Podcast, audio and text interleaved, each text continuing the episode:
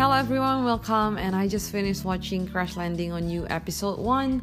And my first impression after watching this Korean drama is Hyun Bin is very handsome and he's very charming. I don't know how he does that. Like he has this kind of very cute, innocent face, but at the same time he's very cool and we can tell that he's very re- reliable. And it's interesting because I've watched his previous dramas, which is My Lovely Samsoon, um, Secret Garden, and I remember that My Lovely Samsoon was like 2005. Back then, I was only, I think, in high school. Yeah, I watched his uh, Korean drama when I was in high school, and even back then, he's already very handsome and very uh, mature. And I can't, I can't understand how in 15 years he's not getting older he's the same person and and if if if I can say he's even more handsome. Anyway, let's get back to this drama. So he plays the the lead character, which is Captain Ri Jung Hyuk, and the other character is um, Yoon Seri, which is the female lead in this drama, played by Son Ye Jin. And Son Ye Jin is the one who played Personal Taste, if I'm not wrong. Yeah, I think I'm right. And then he, she played a personal taste with Lee Min Ho. Yeah, and then she, I remember that she's very cute as well in that drama. So, and looking at her in this episode, she's like the definition of effortless beauty, personally, I think. So, anyway, the story started by introducing Yoon Seri's character, which is like a leader of a big company, and she's very independent. She's she's very um, she's very focused and I think it's funny because the first scene was about her staffs being nervous about the scandal of her and her ex boyfriend, but all she cared about was whether people can see her earrings or not, because that's, that's good for exposure. I think she's like saying that the more exposure she gets, the better it is for the company. So the more money she's gonna get. That's that's funny because that's pretty much like what's happening in real life nowadays with all the Instagram influencers or celebrities I might be wrong, but yeah, that's funny. And then the story gets even better because he was offered by her dad to take over the company of the family.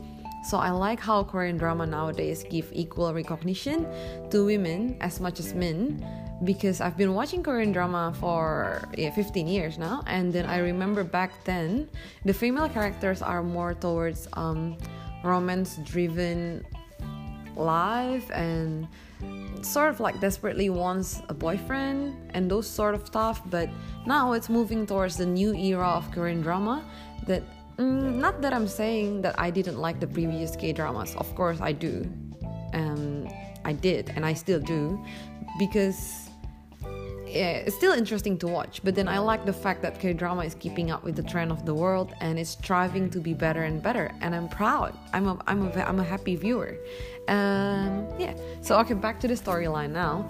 So she wanted to try the new apparel for paragliding, which is actually a new product of her company as well.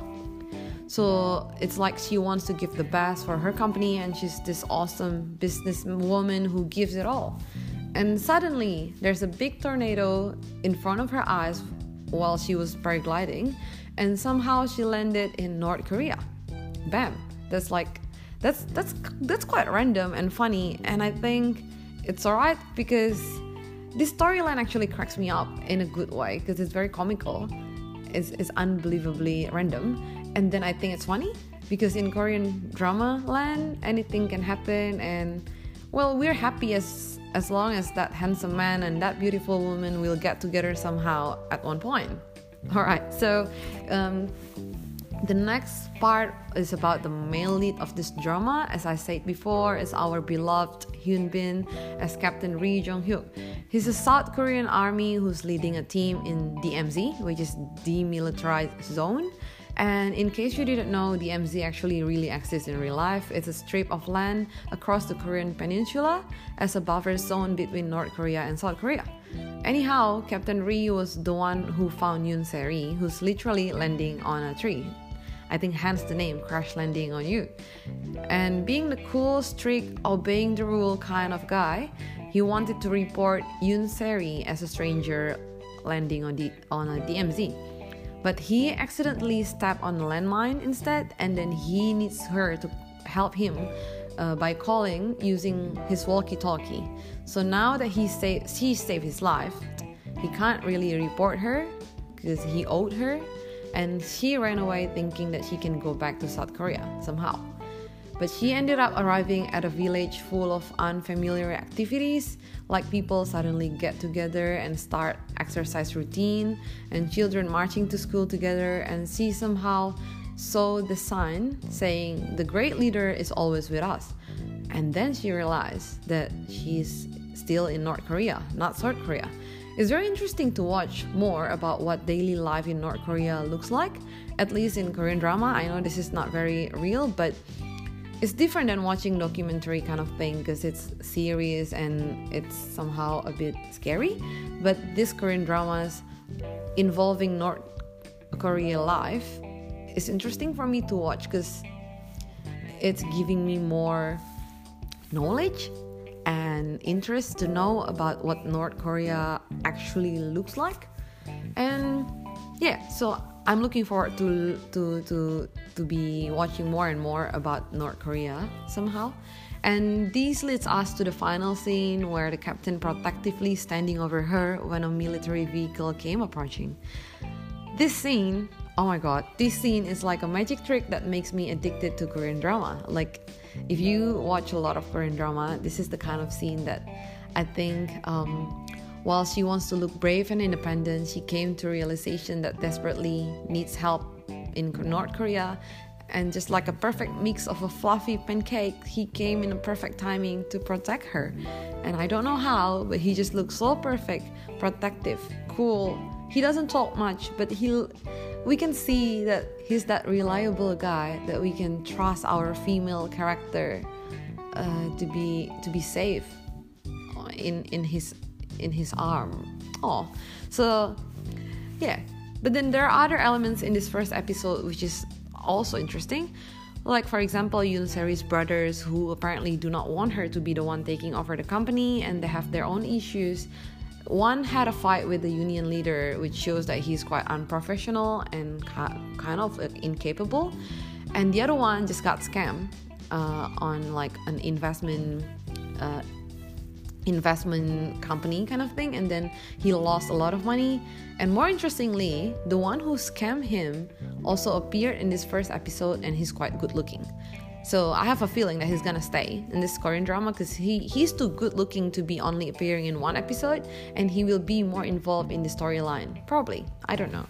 And I love the fact that the captain's team were funny as well one likes to drink while he's working as an army and the other one likes to watch korean drama. That's actually very funny. He watched korean drama and he's immersed in it and so cute. I like that even though even though this drama is about army north korea all these elements of seriousness in it but there's always a sense of humor and it reminds me not to take things too seriously because at the end of the day it's korean drama and the last element of this episode was the grave robbers who illegally dig and found the cultural artifacts, which I think will be important part of the story.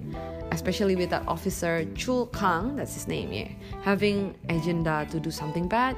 The fact that he killed those guys means that he's the villain of this con drama, I think. But hopefully it's not gonna be super annoying, and even though he's gonna be super annoying, I believe that Captain Ri will always win because Hyun Bin is our is our hero. so, okay, all in all, this crash landing on you is very cute actually, and I think um, if you watch the epilogue of this episode where Captain Ri found Yoon Seri, but then he stopped for a minute and watching her throwing tantrum, she, she was like, "How can I land here? Like, oh, like, oh, what the hell happened?" Talking to herself without knowing that someone was watching him but then he was watching him and smiling and then he looked so cute there and yeah that kind of moment is actually the best. That melts a certain part of my heart when he does that because it was so cute it was so cute. I want to watch the next episode all right and i think when i watch korean drama one of the things that keeps me going is when I know that this perfect couple will, will end up being together somehow and everything's gonna be okay. So it's a nice feeling to know that despite whatever shit is going on, it's gonna be worth it. so I think Hyun Bin and Son, Son Ye Jin also did a great job in building chemistry between them, and even from the first episode, I think it's already very addictive to watch them together, and I'm looking forward to to watching more and more of their interaction and I believe they will they will be a very cute couple. So that's it for today, and I'm so happy to have shared my joy of watching this drama with you. And hopefully, there's someone who enjoys this episode, so have enough confidence to do next ones. Um, I also wrote a blog about Korean drama that I watch and some other random topics of my life. So you can drop by and comments if you want to request something or anything really. Um, so see you guys soon.